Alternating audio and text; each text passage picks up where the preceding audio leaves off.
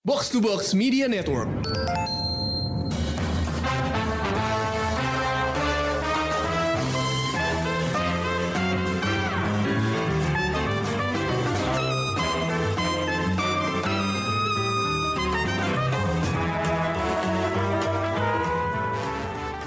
Halo pendengar Showbox, selamat datang di segmen terbaru Showbox Indonesia.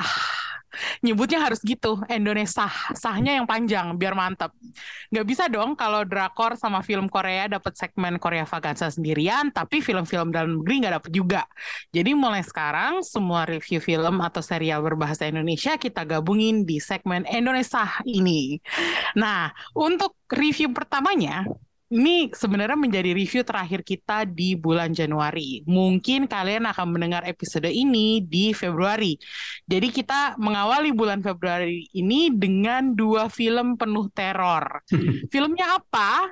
Kita bakal ngebahas dua film. Dua-duanya akan direview oleh Krisna karena gue sama Ulil belum nonton. Krisna yang udah nonton. Pertama, ada Bayi Ajaib, remake dari film tahun 1982, film barunya digarap oleh Rako Prianto. Terus ada Autobiography, film orisinalnya Makbul Mubarak. Kenapa dua film ini yang diangkat?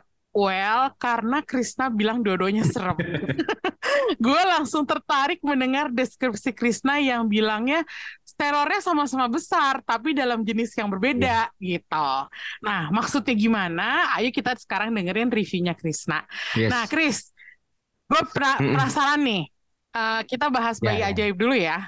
Uh, ini mohon maaf nih, gue gak berani buka YouTube buat lihat trailernya meskipun tadinya gue pikir-pikir ah gue coba mempersiapkan diri dengan nonton trailer dulu ah tapi buka aja gue nggak berani gitu Ulil bilang dia nggak nafsu ngelihat poster filmnya Kenapa? Iya Ulil iya posternya tuh jelek nakutin gitu loh jadi Jijik gitu ya jadi kayak kayak keriput tapi gen tapi cabi gitu tapi kayak pucet takut Salah satu posternya keren lagi yang itu, yang toilet keluar tangan tuh. Itu justru gue suka banget.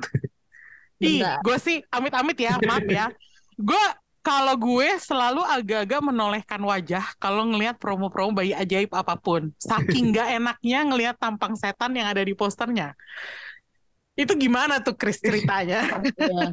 Serem banget sih. Tapi yang Ya. yang kloset dari tangan menurut gue lebih oke sih dibanding Ya, itu kan gambar kayak orang.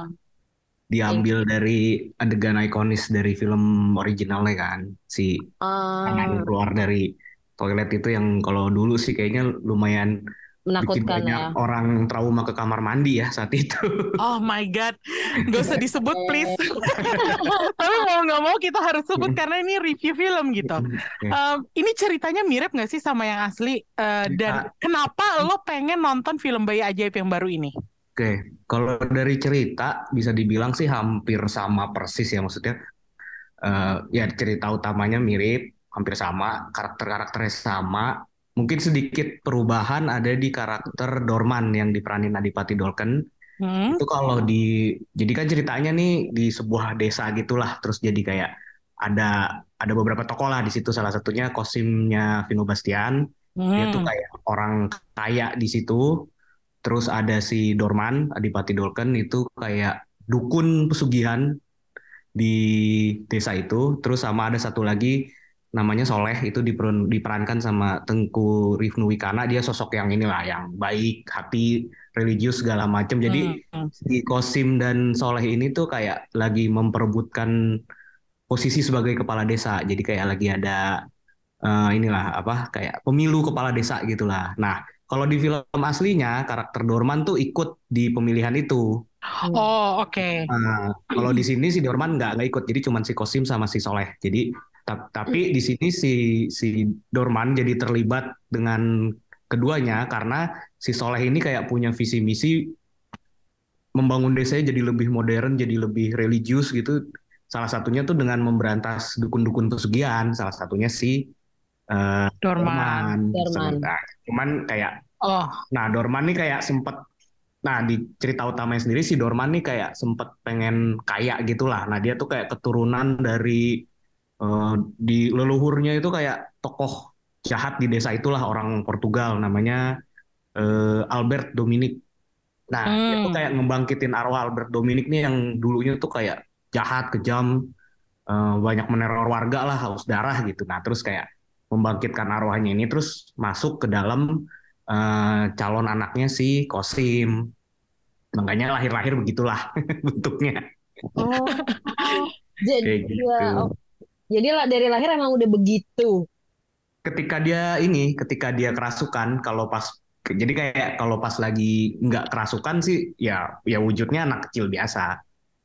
Oh, Cuman pas dia kayak meneror segala macem tuh, pas dirasuki sama si Albert Dominic ini ya tiba-tiba jadi itulah sosok yang menyeramkan itu, si kakek-kakek berambut putih dan berjanggut putih itu.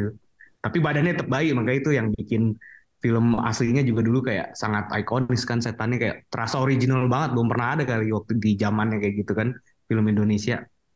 Oke, Walaupun paham. secara cerita yang asli dulu ya sa- terasa sangat ini sih terinspirasi di Omen sih. Nah, ini ya, gue eh, penasaran dengan eh, bahwa ceritanya hampir nggak berubah ya, Chris. Iya, kecuali Jadi- itu aja ya soal Dorman. Nah, pembaruan apa yang ditawarkan? Maksudnya apakah gambarnya jadi lebih bagus atau soundnya lebih creepy atau membangun atmosfernya lebih jago atau gimana sih?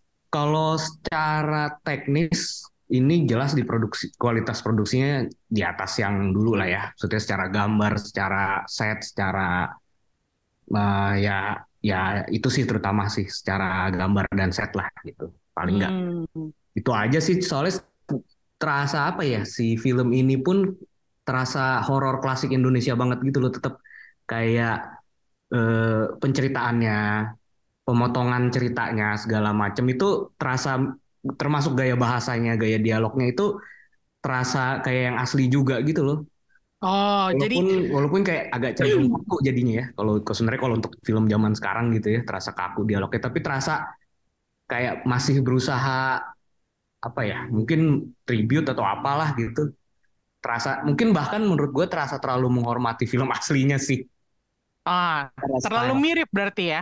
eh iya bisa dibilang sih secara style karena karena biasanya kan kita udah pernah ngeliat beberapa film remake horor klasik kan kayak Pengabdi Setan Ya. atau Ratu Ilmu Hitam itu kan cuman ngambil esensi ceritanya aja kan tapi eksekusinya tuh eh, ya film modern gitu secara secara style secara penceritaan dan itu berhasil gitu kan nah sementara yang di sini mungkin pengen beda ya jadi kayak berusaha kayak stylenya kayak horor klasik Indonesia sih Hmm.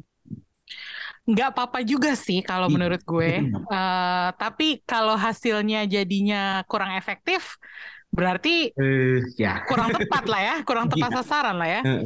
Nah, nih sekarang gue sama Ulil mikir hal yang sama pasti. Film ini menampilkan sobat film kita. New Reza Hadian, Vino Bastian. lagi-lagi ya banyak ya banyak banget ya Gimana, Ina, gimana pendapat lo tentang akting Vino di sini? Apalagi lo bilang film ini eh, gaya dialognya, eh, atmosfernya masih kayak film jadulnya kan? Mm-mm. Nah, apakah dia sama Adipati bisa masuk ke atmosfer itu? Karena gue Eh. melihat mereka sebagai aktor-aktor yang lumayan modern gitu. tampangnya pun modern banget ya Iya, betul. Iya nggak, Lil? apalagi Iya, setuju. Adipati Dolken sih nggak ada nggak ada perubahan nggak ada perubahan yang signifikan banget sih. Mm. Nah, itu dia. Seperti kata Ulil, nggak ada perubahan signifikan di tampang mereka gitu loh, Mungkin Chris. kalau Vino Bastian menurut gue masih oke sih. Dia masih apa ya? Walaupun agak beda sih karakternya sama yang asli. Justru di sini dia lebih jahat menurut gue dibanding Kosim yang asli. Oh ya? Masih iya, lebih lebih bengis gitu. Lebih Iya. galak ya. Kayak dia kalau sama ngomong sama semua orang tuh kasar gitu. Ya inilah Oh. centeng juragan tanah banget lah gitu. Sementara kalau di film asli kan cuman si Kosim ini cuman orang kaya banget yang main curang lewat apa eh, money politik lah gitu. Cuman Hmm. cuman di luar itu nggak se nggak sekeras itu gitu. Sementara di sini Vino Bastian lebih centeng lah gitu. Tapi menurut gue masih pas sih da- dan itu perubahan yang nggak masalah gitu. Mungkin kalau di Poti Dolken justru menurut gue yang kurang kurang apa ya sisi kedukunannya tuh kurang gitu karena ya itu mungkin Masalahnya tampang dia nggak dukun banget. ya tam- eh, Bener. Oke lah kalau tampang masih bisa disiasati dengan penampilan gitu ya. Misalnya potongan Makeup rambut atau gitu. apa gitu kan. Ini potongan rambutnya pun terasa anak muda kota besar. Ya baju sih ya ya sekedar baju dukun aja udah gitu. Cuman ya ya itu sih mungkin Adipati Dolken sih menurut gue yang kurang dukun gitu. Hmm. Iya, itu itu salah satu situ juga gitu.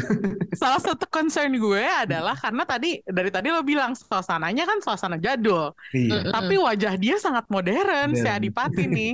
Bahkan kalau menurut gue, gue ngelihat tampang Vino di foto-foto gitu ya misalnya untuk film ini, menurut gue mukanya masih sangat modern. Iya. Bener. Mungkin karena Maksa apa banget. ya?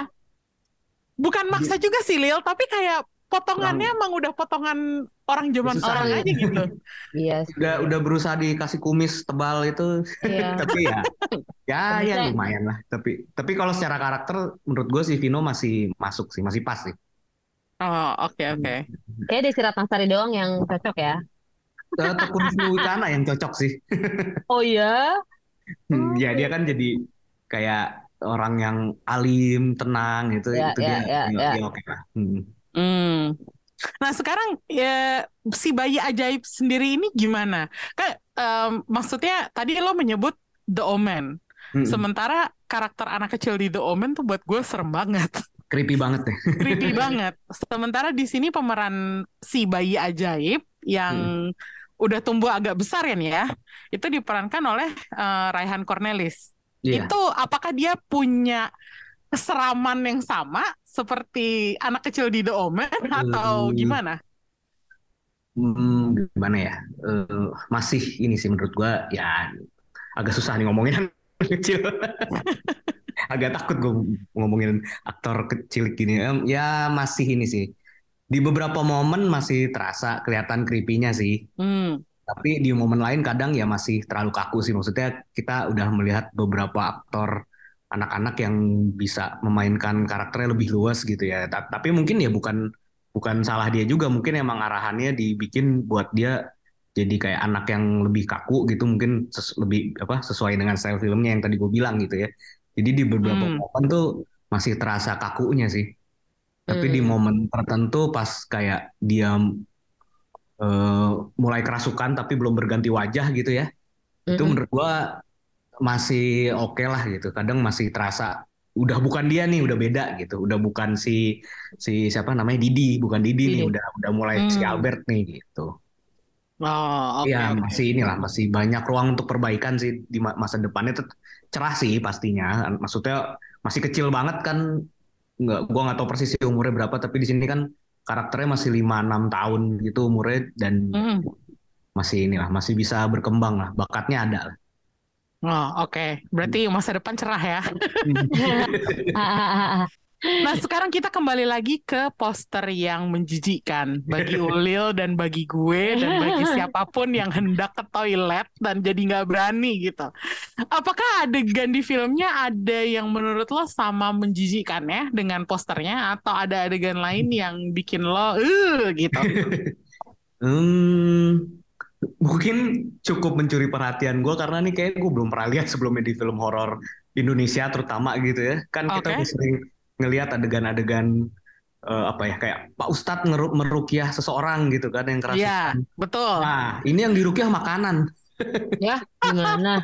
Ya Jadi ampun. jadi ada ada satu momen si Soleh ini kayak dikasih makanan gitu.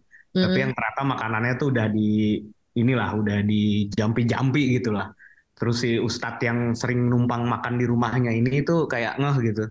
Kayak wah ada yang salah nih sama semur jengkol ini gitu. Terus kayak terus dia baca dia baca-bacain segala macem terus ya udah tiba-tiba muncul apa kayak kelabang-kelabang gitu dan terus akhirnya dilempar.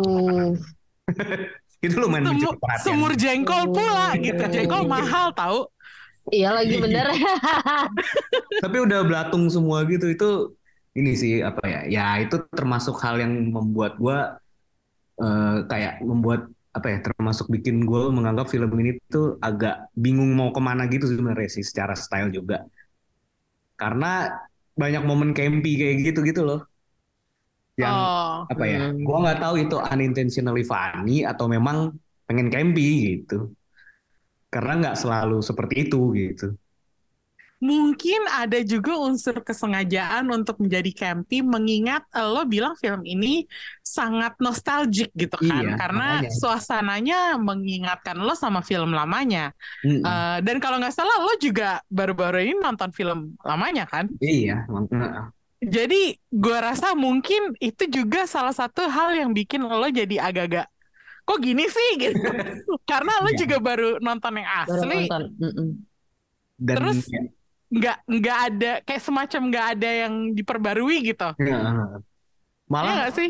malah kayak menurut gue juga beberapa adegan horor itu kayak bukan cuma adegan horor ya bahkan penceritaannya. Maksudnya kalau kalau film horor zaman dulu tuh kan kadang penceritaannya tuh kayak editingnya tuh suka kasar gitu ya. Kayak Iya, berpindah iya. eh, Iya. berpindah lokasi atau ke mana atau karakter baru lagi ngapain kayak build up-nya kurang gitu. Nah di sini tuh juga termasuk kayak terutama di adegan horornya sih kayak terasa rada buru-buru gitu menurut gue jadinya justru kayak efek horornya tuh nggak terlalu dahsyat gitu nggak terlalu powerful gitu. Termasuk kayak adegan yang paling gue tunggu yang adegan toilet itu gitu. Di sini tuh kayak cepet banget dan kurang nggak kayaknya nggak akan bikin gue takut ke kamar mandi sih walaupun lumayan sadis ya lumayan violent gitu ya lebih violent dari yang aslinya gitu. Kalau yang aslinya cuman dicolek ini beneran ditarik ke dalam ke dalam toilet gitu. Tapi nggak tahu mungkin build up-nya yang kurang sih menurut gua. Padahal secara eksekusi menurut gue sih udah oke secara visual effect juga lumayan lah. Hmm. sayangnya build up-nya sih. Sangat disayangkan berarti bahwa filmnya eh, satu tidak memperbarui apa pun. Iya. terus yang kedua build up-nya kurang jadinya Betul. horornya nggak efektif ya nggak sih Iya betul betul itu Oke. kekurangannya sih Question. Sama- Hah? ya Oh ya lanjut lanjut dulu Chris. sama mungkin ada satu hal lagi sih yang paling gua nggak suka sebenarnya dari Bayi Ajaib versi baru ini Apa banget oh preachy Iya. ya ya bahkan bahkan yang dulu yang asli gitu maksudnya justru itu kan era di zaman horor tuh sangat preachy gitu kan Hmm. Ustadz Mm-mm. mengalahkan segalanya gitu Ya Eh, ya. orang jahat diceramahin tobat gitu nah yang dulu aja tuh bahkan nggak segitunya gitu sementara di sini justru mengulang formula itu maksud gue kayak kayak ada sosok ustadz yang nggak tahu backgroundnya dari mana ya cuman diceritain dia pernah. Gak- satu pesantren sama si Dorman jadi dia tahu soal ilmu hitamnya Dorman segala macem terus kayak nggak banyak menceramahi gitulah nah itu gue Oke. gue kurang cocok sih dengan horor seperti itu terus kayak jadi bikin si karakter kosimnya juga tuh tobatnya kayak kayak nggak nggak masuk akal gitu maksudnya sosok yang sekasar itu sekeras itu gitu sebengis itu diceramahin tobat gitu sementara yang dulu yang asli gitu kosim itu perubahannya justru terasa lebih apa ya lebih masuk akal lebih alami gitu. Dia dia berubah bukan karena diceramahin tapi dia sama kosim di sini sama yang dulu tuh basically sebenarnya family man banget. Dia bener-bener sayang sama anak dan Hmm. istrinya gitu kan. Kalau yang dulu tuh bener-bener setelah melihat kondisi anaknya kayak begitu dan istrinya juga hamil lagi dan diteror sama si anaknya karena nggak pengen anaknya apa adiknya lahir gitu si Didi ini. Itu akhirnya dia mulai berubah gitu mulai lebih simpati apa lebih simpatik terus eh, mulai apa ya kayak dia nggak nggak memikirkan lagi soal pem- pemilihan ketua desanya itu fokus untuk nyelamatin keluarganya gitu lebih masuk akal gitu. Sementara yang ini tuh dia diceritain sama family man juga tapi denial gitu loh nggak nggak mau mengakui kalau apa eh, anaknya itu kenapa-napa padahal udah dikasih serangkaian musibah gitu kan kejadian terus tiba-tiba diceramahin malah toto tobat gitu itu kan menurut gua nggak masuk di akal ya ah, gitu Gampang banget ya. iya itu sih Oke. Eh gue mau nanya deh Chris. Iya. Um, gue sama sekali belum pernah menonton si Bayi Ajaib yang pertama itu. Iya. Tapi uh, dulu tuh waktu gue masih di radio, kalau kita punya topik kayak apa film horor terhoror versi lo gitu ya, banyak banget yang Iya. bilang Bayi Ajaib Bayi gitu. Ajaib. Mm-mm. Terus kayak sekarang akhirnya keluar lagi em, yang terbaru gitu remake-nya. Hmm. Bahkan tadi lo sempat cerita kalau misalnya em, story lainnya pun sama sekali nggak ada perubahan yang signifikan Dikit lah, gitu kan. pokoknya. Perubahannya dikit gitu. Terus tadi juga melihat aktor-aktornya. Jadi menurut lo, karena untuk gue yang belum pernah menonton si Bayi Ajaib ini dan membandingkan dengan uh, satu cut horor yang pada masa itu, terus kayak um, uh, tambahan tambahan beberapa tambahan sedikit lainnya gitu ya. Jadi gue better nonton yang mana? Yang lama Eh. atau yang baru atau kayak gue nonton yang baru dulu terus gue nonton yang lama. Iya, Karena gue ya. kayak masih mau maju mundur gitu loh. film originalnya punya reputasi kayak gitu kan, se se ikonis itu gitu, sering, sering masih sering Ah. disebut-sebut. Ya, Ya, karena ya, memang ya. itu bagus gitu, emang di zamannya itu termasuk film horor yang paling bikin trauma gitu. Jadi menurut gua sih ya, film originalnya harus harus di respect. Jadi ya, dan udah bisa kita tonton dengan gampang sebenarnya kan, ada di OTT. Hmm. Jadi Mm-mm. ya, ya wajib dicoba sih film originalnya. Tapi Jadi yang kalau- Mm-mm. Kalau yang in, kalau yang film barunya ini sih ya kalau lu mencari hiburan ini aja sih, hiburan yang dibilang ring, ya mungkin ringan kali ya. Maksudnya film horor yang nggak terlalu, Wow, film horor yang nggak terlalu, Berarti bisa menakutkan itu dong, Emi. Iya- iya sih. bilangnya ringan. tetap tapi tetap aja Lil posternya jijik Iya banget. Gue sih, gue nggak jelek-jelek sih setan-setannya.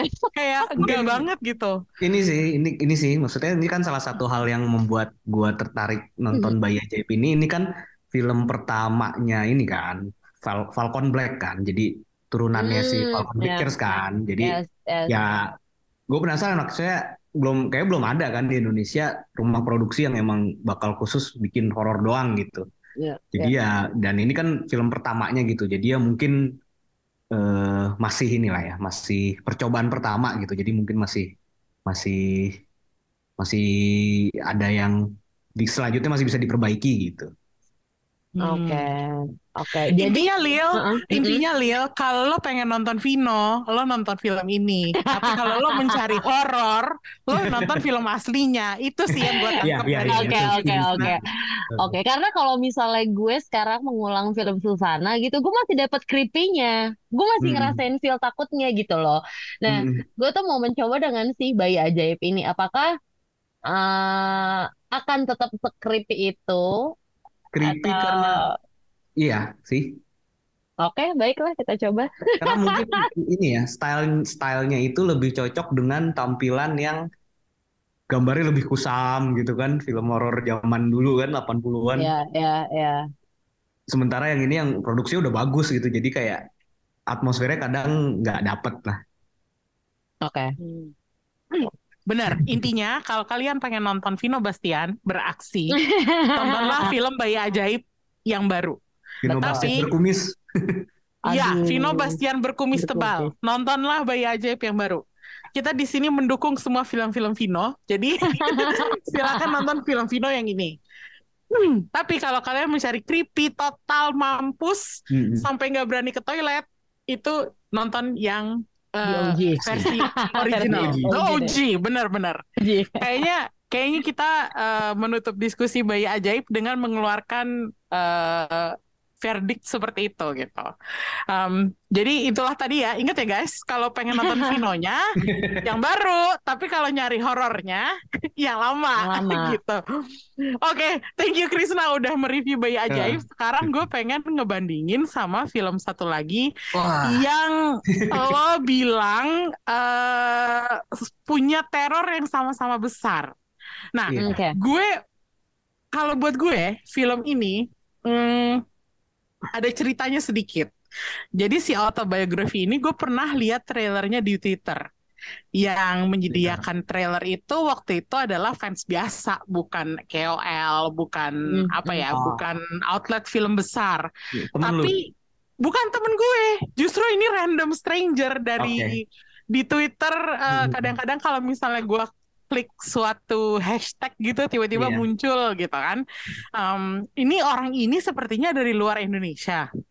Eh, katanya Ah. dia baru nonton film autobiography itu di sebuah festival. Dan Oke. gue cek ternyata dia masuk festival banyak banget. Iya.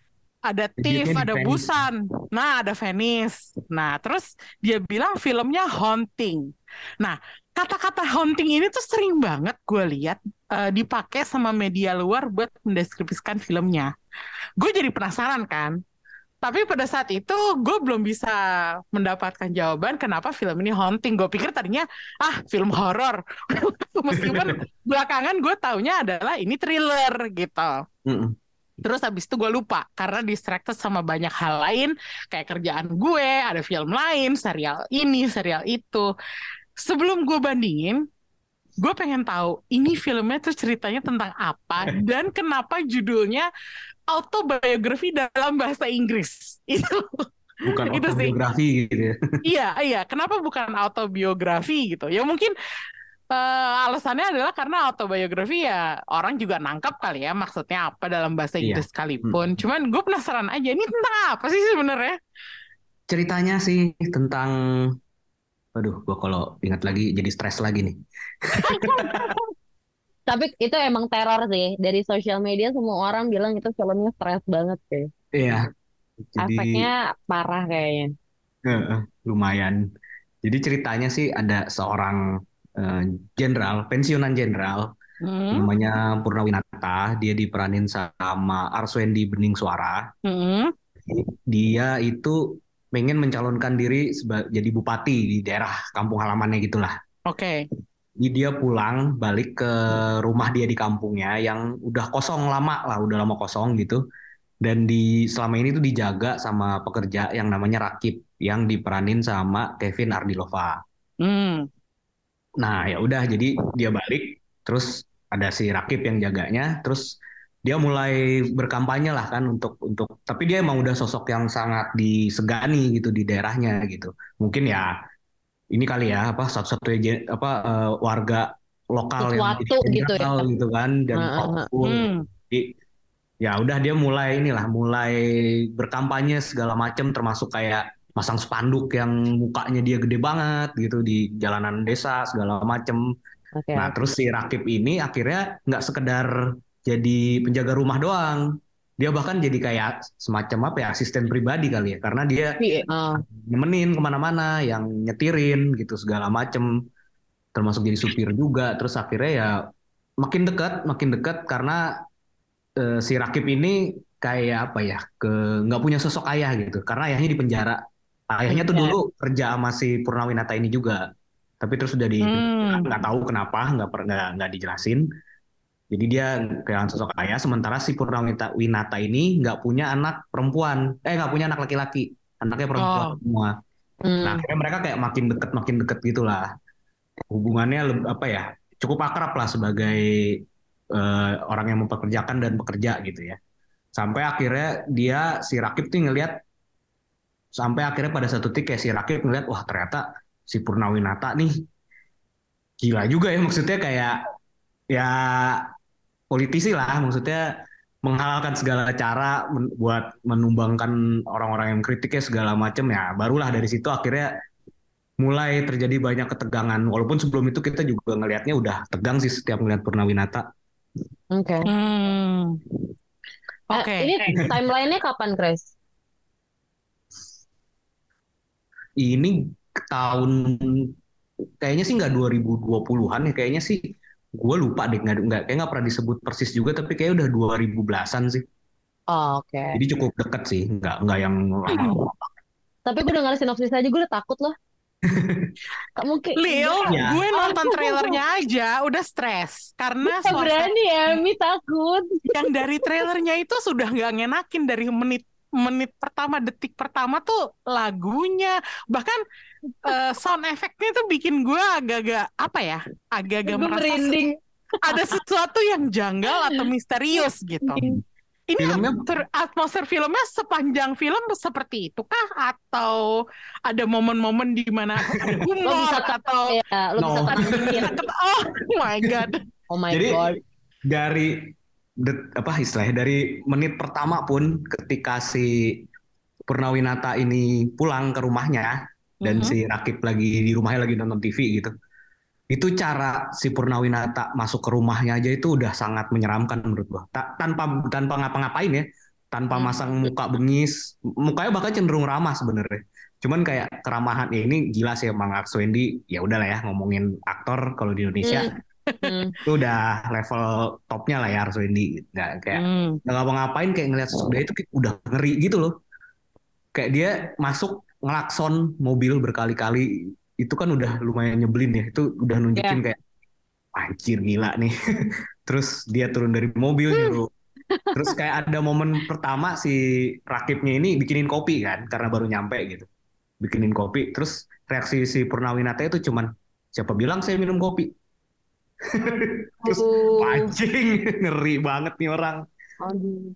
Oke. ditambah atmosfernya juga bukan cuman udah acting si Arswendinya bisa ngeluarin semua aura kesereman itu tanpa banyak Kedinginan dia ya. tanpa banyak masang muka bengis tapi atmosfer filmnya pun ikut menunjang gitu bisa dibilang setengah film tuh nggak ada musik sama sekali Hmm. kayak hening tapi ya udah gitu ngikutin Aduh. gerak gerik Purnawinata ke mana-mana setiap ini tuh kayak selalu apa ya selalu selalu susah ditebak kayak aduh ini bakal ngapain lagi nih orang apa yang bakal terjadi selanjutnya langkahnya apa gitu sama si si kan kita kayak dikasih sudut pandangnya dari si Rakib gitu kan Hmm. Mm-mm.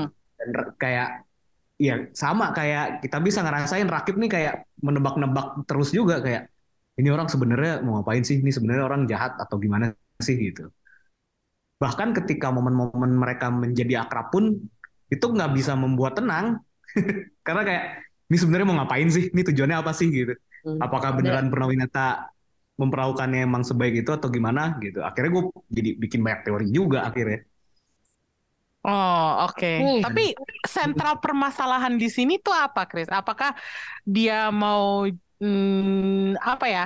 Istilahnya jadi calon apa? Bupati. Calon calon bupati. Eh, konfliknya ter- terdapat di pencalonan dia sebagai bupati atau ternyata dia orang jahat yang menyuruh eh, si anak muda ini untuk melakukan kejahatan atau dari mana konfliknya gitu? konfliknya sebenarnya lebih ke hubungan si men- kalau buat gue yang lebih utama hubungan Rakib dan Purwa, Purnawinata ini sih Hmm. kayak ya kayak ya awalnya kan memang pekerja dan majikan gitu ya bisa dibilang Hmm. Cuman terus kayak lama-lama kayak jadi sosok ayah dan anak bahkan akhirnya gue sampai berteori apakah sebenarnya Rakib ini memang anak kandungnya yang dari luar pernikahan resminya gitu atau enggak gitu Hmm. Ya itu sih Hmm. sama ini sama apa ya si Rakib berusaha mencerna Purnawinata ini sebenarnya orang seperti apa gitu loh. Apakah dia mendapatkan jawaban itu di akhir film? Mendapat dapat. Dapat. Nah, ya itu akhirnya di di apa ya di sepertiga akhir tuh momen-momen paling stresnya film ini itu. Jadi klimaks itu benar-benar klimaks stresnya juga walaupun dua per tiga awalnya juga udah stres gitu ya. Tapi beneran beneran apa ya? Gue beneran deg-degan gitu ya, deg-degan nggak enak gitu, nggak tenang duduk itu kayak karena Rakib udah akhirnya melihat Purnawinata ini orang kayak apa. Dan di situ Hmm. kayak dia berusaha lepas, berusaha kabur segala macem kayak gitulah. Tapi ya tidak sesimpel itu ternyata untuk bisa lepas Hmm. dari orang kayak gini tuh, orang se-powerful ini nggak gampang. Hmm. Sebenarnya kalau ngeliat trailernya, kesan pertama yang gue tangkap Mm-mm. adalah agak-agak politik. Ini ada nggak sih persamaannya dengan politik dunia nyata yang kita lihat sekarang? Banget. Oh banget ya. Ya, realita politiknya lumayan terasa sih. Maksudnya itu memang memang jadi gue kalau buat gue sih soal si Purwan, Purnawinata ini mencalonkan jadi bupati tuh ya bisa dibilang background tapi ya lumayan memainkan peran penting juga ya karena ya bisa lihat politik si seperti dia tuh memainkan politiknya gimana gitu ya ada kayak bisa bisa melihat bagaimana dia apa ya eh, ya deket lah kita sering denger lah kasus-kasus politisi di daerah tuh eh, apa ya menggolkan sebuah proyek itu sebenarnya buat kepentingan dia juga gitu kan ngorbanin Hmm. warga tanahnya digusur segala Hmm, macem hmm, hmm. terus gimana dia eh, masang poster-poster mukanya dia itu di mana-mana terus ketika ada yang Hmm. merusak dia marah marahnya tuh ah keren sih Oke, oke, oke. Ya, ya, ta- ta- ya terasa deket sih. Buat maka, makanya gue nggak tahu justru kalau kayak kan ini diputer di di banyak festival internasional gitu ya. Hmm. Yes. Hmm, eh tapi gue rasa sih cukup universal lah ya pejabat korup tuh, tirani korup gitu sih. Iyalah, ud- udahlah kalau itu mah. Iya, kayaknya di seluruh dunia Bisa ada lah ya. ada Pasti seperti ada. ah ada seperti gambaran yang kayak gitunya di dunia politik mereka masing-masing gitu. Em, tapi trailernya juga sempat menyebutkan pujian bahwa ini adalah film terbaik se Asia Tenggara tahun ini. Maksudnya mungkin tahun 2022 ya. ya. Pantaskah menyandang title tersebut? Asia Tenggara ya. Gue Hmm. kalau film Indonesia doang mungkin salah satu sih ya. Hmm. Tapi kalau film Asia Tenggara gue hanya menonton beberapa film Thailand sih sepanjang 2022 ya dan ya nggak ada yang sekuat ini sih. Nggak ada yang sekuat ini ya. Ya, jadi ya mungkin klaim yang bisa diperdebatkan tapi eh gue terima sih kalau diklaim kayak gitu. Oh, oke. Jadi maksud gue ini bukan apa ya, pujian kosong jadinya. Ya, ya sih. Oke. Hmm. Untuk trailer Justru- kayak ini yang terbaik sih kalau di Indonesia lah ya at least ya tahun lalu ini trailer terbaik sih. Hmm. Nah, ini film sudah melanglang buana, main Hmm. di festival film internasional. Tapi sekarang kok layarnya dikit banget ya? Aduh, iya. Sedih itu. Iya nggak sih? Iya Iya, banget. Iya banget. Dan gue aja kaget tiba-tiba film ini udah main gitu. Nggak ada kayak gue sebelumnya gue nggak nggak nggak menyangka akan main secepat ini gitu. Hmm. Atau uh, bayangan gue mungkin masuknya langsung ke OTT Mm-mm. gitu. Lo ada teori nggak tentang hal ini, Chris? Aduh, gua gua nonton hari weekend, hari Sabtu Mm-mm. di itu di di CGV Grand Indonesia Jakarta, Mm-mm. di Jakarta. Itu cuma satu hari itu tuh cuma satu itu Satu show. satu show bahkan. Jadi cuma Wah. satu. Jadi gua harus bela-belain bangun lebih pagi karena show-nya siang dan itu cuma itu doang di Jakarta gitu. Sementara di jaringan lainnya di XX1 itu cuma tiga tiga bioskop. Gua nggak tahu sih berapa show ya, tapi tiga bioskop doang. Ya sesedikit itu ya. Sayang sih sebenarnya padahal kan momentumnya lagi nggak banyak film impor yang ramai kan sebenarnya. Ya, ya. Oke, Ya, question. Kalau kalau Ah. menurut gua sih ya pertimbangan komersial kali ya. Mungkin dianggap kurang menjual karena Makbul Mubarak debutan, belum punya walaupun sebenarnya ini pemenang ini kan pemenang skenario asli terbaik Festival Film Indonesia kan. Hmm, iya, iya. Cuman kan ya kayaknya embel-embel pemenang penghargaan kayak gitu film atau main di festival banyak kurang menjual kadang ya kalau di sini untuk penonton Indonesia kalau nggak punya Hmm. nama besar di dalamnya gitu. Sutradara Setuju sama Krisna.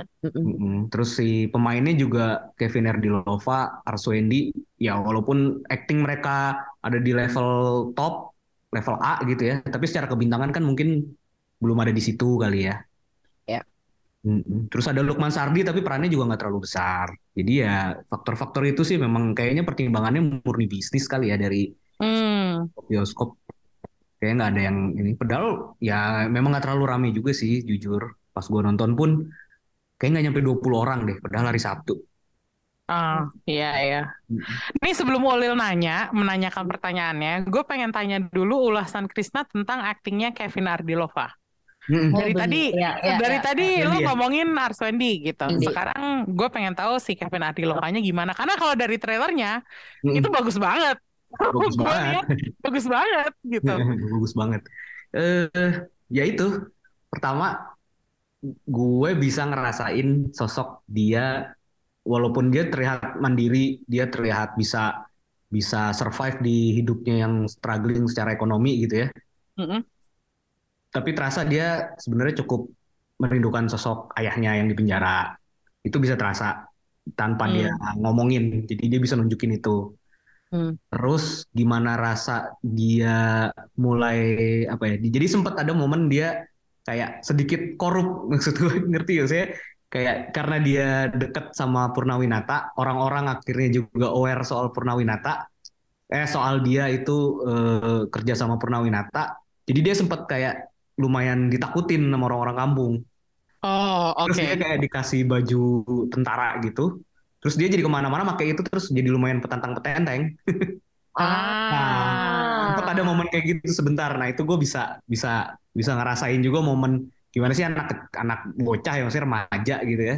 Tiba-tiba yang tadinya hidupnya miskin segala macem susah, terus tiba-tiba deket sama orang powerful, jadi dipandang orang, akhirnya petantang petenteng. Itu itu Hmm, terasa juga tuh sempat ada fase kayak gitu. Terus akhirnya pas dia akhirnya tahu seperti apa Purnawinata yang sebenarnya orangnya kayak apa, mulai itu kan keluar sisi dia takutnya, sisi dia. Jadi banyak momen tuh kayak dia diajak pas sudah momen-momen dia takut sama Purnawinata ya, dia diajak ngomong, itu dia lama jawabnya gitu loh. Itu gue Hmm. sampai anjing goblok jawab cepet lu kalau mau Dimarahin. gue ikut takutnya ikut stresnya gitu loh. gue pikir ya itu kayak dia berusaha nunjukin kalau dia pun takut jawab gitu, takut salah ngomong, takut. Hmm. Ya, jadi kayak dia pikirin baik-baik dia harus jawab apa gitu. Itu Hmm. semua terasa dia bisa bisa ngeluarin itu semua tanpa banyak apa ya banyak ber- apa, berekspresi berlebihan gitu. Hmm. Terus ini juga sih karena gue suka juga sama si sinematografinya kameranya. Jadi banyak shot-shotnya ini kayak emang ya itu tadi gue bilang cerita itu kayak kita dari POV rakit banget. Banyak shotnya tuh yang kayak kita ngikutin gerakan si rakit gitu. Kayak dia jalan mau ke mana, itu kayak kamera dari belakang ngikutin dia. Tapi sama sekali nggak bikin pusing sih. Hmm. Gue kaget juga sih ternyata sinematografernya orang Polandia. Cool. Iya, dan kru filmnya ada Ya, orang. Filipina juga kan? Eh ada Filipina juga ya? Gue kalau Iya. Filipina kurang tahu. Jadi ini proyek emang, Emang lumayan ini ini. internasional sih sebenarnya. Banyak institusi sih. Iya, itu Kayak dia. sebelum filmnya mulai tuh kreditnya tuh apa pendukungnya tuh banyak banget institusi-institusi film luar gitu Hmm. Hmm, dananya juga dana pemerintah deh kalau nggak salah. ada bantuan kalau gua sempat Iya, bantuan. ikut nerima bantuan pemerintah dari ini pemulihan pandemi gitulah Iya, itu. Donasi dari ini apa Lokarno Hmm. Nah, eh, tapi berarti emang si Kevin Ardilova nih telah menunjukkan bahwa dia yes reputasinya oke ya untuk Gua sih- selama, selama ini film-film dia kan emang kelasnya agak di agak-agak niche gitu. Kayak sih- dia apa ya dia kalau nggak salah main seperti Dendam, dia juga main di Uni. oh iya gitu. Jadi dua gue film suka dia di tersanjung justru Oh ya. iya Oke, tersanjung The oke. movie dia bagus emang filmnya Hmm. lumayan menurut gue oh iya ada di YouTube juga betul Mm-mm, jadi kalau menurut gue emang sepertinya reputasinya dia tuh bukan sebagai aktor yang komersial banget gitu, tapi memang lebih artsy. Ya, sisi Gitu. ini ya, sisi seberangnya Angga Yunanda ya. Ah iya benar. Benar. Disebut lagi, wow. Ya kan di generasi dia kan sekarang bisa dibilang bintang topnya kan itu yang tadi gue sebut. Iya deh. Nah, sekarang balik lagi ke Ulil. Tadi ada pertanyaan yang Ulil pengen tanyain apa ya? Oke. Jadi kan eh, dari dari lo cerita aja gue udah bisa merasakan ketegangannya gitu ya, keseraman. Terus kayak gue sempat baca-baca juga di eh, Twitter, terus juga baca teman-teman gue yang IGS gitu abis nonton film ini. Kata mereka ini adalah salah satu apa ya eh, psychological thriller juga. Menurut lo ini iya atau tidak? Kemudian um, apa efek yang lo rasain abis nonton film ini? Kalau tadi kan kita juga sempat bilang kan, kalau gue mau ceritain aja gue masih deg-degan nih gitu kan. kayak kayak berarti kan um, film ini berhasil membuat lo ada di dalam itu kan. Iya. Terus kalau gue nonton sendiri, kira-kira gue akan sehat walafiat nggak kalau keluar? Mengingat film ini kayaknya sudah semakin sedikit di layar. Gue barusan Iya. cek eh, aplikasi untuk beli tiket. Hari ini ada beberapa di XX1, tapi kayak cuman Show-nya yang dikit. show-nya di cuman kayak ada empat doang gitu. Eh, Hmm. Terus di CGV juga beberapa tempat aja dan show-nya juga nggak baik. Nah kalau dari pertanyaan lu tadi, eh conversation-nya di media sosial sebenarnya lumayan ya, ya. Tapi mungkin di bubble yang emang orang nonton suka nonton film aja kali ya. Ya, ya, ya. Tapi emang semenakutkan Iya, itu kalau efeknya.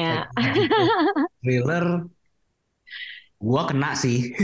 Maksudnya gua beneran Secara stres sih. psikologis.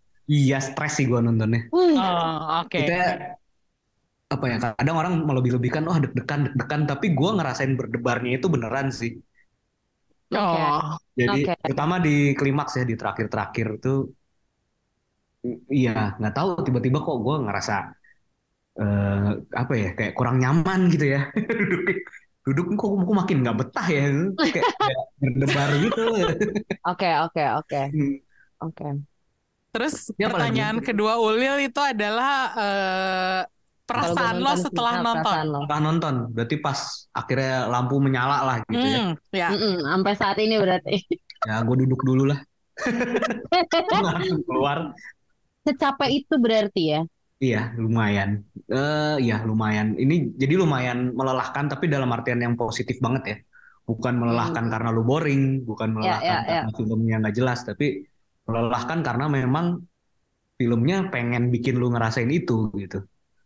Stres Hmm. sih, udah stres itu kata yang Mhm. tepat sih. Tapi lo kepikiran nggak sampai sekarang, Chris?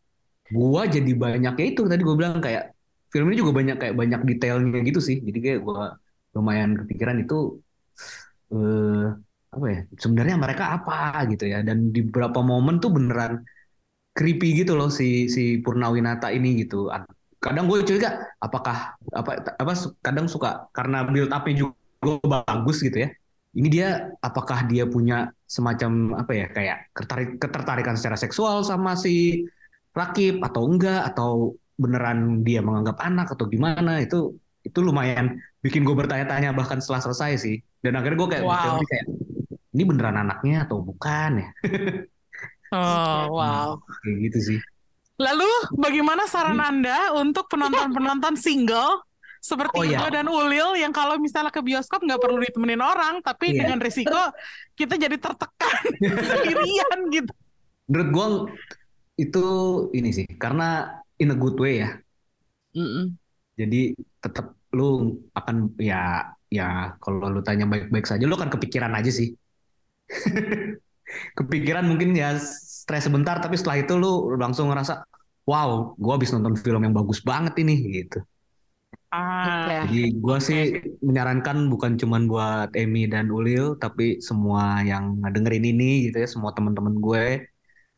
Ya mumpung layarnya belum bener-bener menghilang secepatnya lah ditonton. Karena kayaknya juga ini experience-nya akan lebih lebih bagus ketika lo nonton di bioskop sih dibanding misalnya nanti di OTT gitu ya Hmm, Oke. Dua Karena jam loh lumayan. tuh, iya. Mm, Dia panjang filmnya tapi lumayan ini sih lumayan nggak terasa dragging kok walaupun pace-nya nggak terlalu cepat terus banyak hening gitu ya tapi nggak nggak nggak terasa lama sih karena lu udah Tapi- capek sama stres lu gitu gue punya kecurigaan, Chris, dari deskripsi lo dan review lo yang barusan lo share sama kita. Ini adalah film ini ditonton di layar seperti apa pun akan tetap punya impact yang besar secara psikologis terhadap mereka yang nonton. Kayaknya segitu. Soalnya apa ya dari tadi lo menyebutkan stres, kepikiran, terus apa ya dan lo punya eh, jadinya punya banyak teori bertanya-tanya tentang Purnawinata dan Rakib gitu. Jadi kayaknya sih ya mungkin ini sesuatu yang gue katakan untuk menyenangkan diri gue sendiri karena gue gak punya banyak waktu ya untuk ngejar film ini. Eh, kalau Ulil mungkin masih lebih bebas kali ya untuk mengejar film ini. ya. dan Tapi- kurang ramah kadang Nah, kalau gue merasa kalaupun gue telat, gue tetap bakal nonton ini di OTT oh iya dan gue bakal tetap menikmati gitu Ah, karena gue sih. akan sama dibikin stresnya dengan Iya. orang yang nonton di bioskop gitu. tetap sih gue rasa juga akan tetap sama walaupun di OTT nanti jadi tetap harus tonton Ya, wajib tonton ya kalau gitu. Nah, sekarang tiba saatnya kita memberikan bintang. Berapa bintang nih untuk dua film eh, yang barusan kita bahas? Berapa bintang, Chris, buat Bayi Ajaib? jadi tiga aja deh karena Tiga ya. apa ya karena kualitas produksinya masih oke masih ada momen-momen yang menghibur walaupun mungkin unintentional atau enggak gue nggak tahu juga tapi ya at least gue terhibur Oke, Jadi tiga aja lah.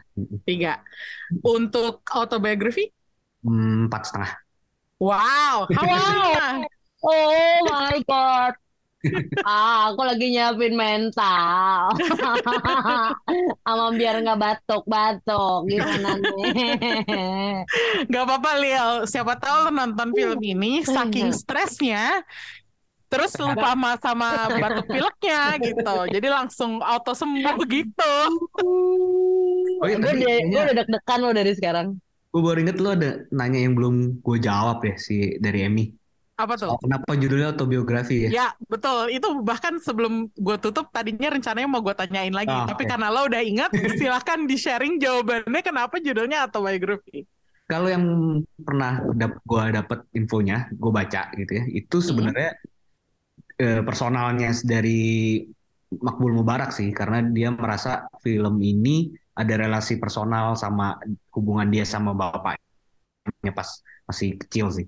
Oh. Cuman kalau itu ininya ya yang di belakang layarnya ya, cuman Hmm. kalau dari ceritanya sih sebenarnya gue juga nggak nggak tahu sih kenapa memilih judul ini apakah ini kayak ini perjalanan hidup si Rakib gitu atau Purwinata gue nggak tahu sih. Tapi yang pasti yang pernah gue dapat informasinya itu sih.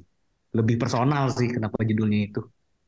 Berarti Makbul Mubarak sempat melalui masa-masa stres dengan Ya. sosok ayahnya. mungkin Aduh. ya ini kan kayak emang ini juga kan eh, apa ya kayak passion project banget dia kayak Hmm. soalnya dia udah ngembangin naskah film itu dari 2017 katanya Wah. ya Oh, mungkin makanya bisa semenegangkan itu sih ya. eh, mungkin lama ngumpul duitnya juga kali ya Ya lagi. ngumpulin duit debutan sambil kan susah sambil mencari inspirasi bagaimana film ini bisa disempurnakan. Iya. Mungkin itu kayaknya. kayak dan dia kayaknya emang berhasil memanfaatkan waktunya dengan baik sih berarti Hmm, berarti congrats untuk Makbul Mubarak ya atas debutnya yang gemilang. Eh, ini cuma segini waktu yang kita punya untuk membahas film-film Indonesia kali ini, tapi masih awal tahun nih guys, masih banyak film Indonesia yang nantinya kita bakal bahas. Jadi eh, nantikan sesi berikutnya dari Indonesia. Hmm, gue undur diri dulu, sampai ketemu di review berikutnya. Bye bye.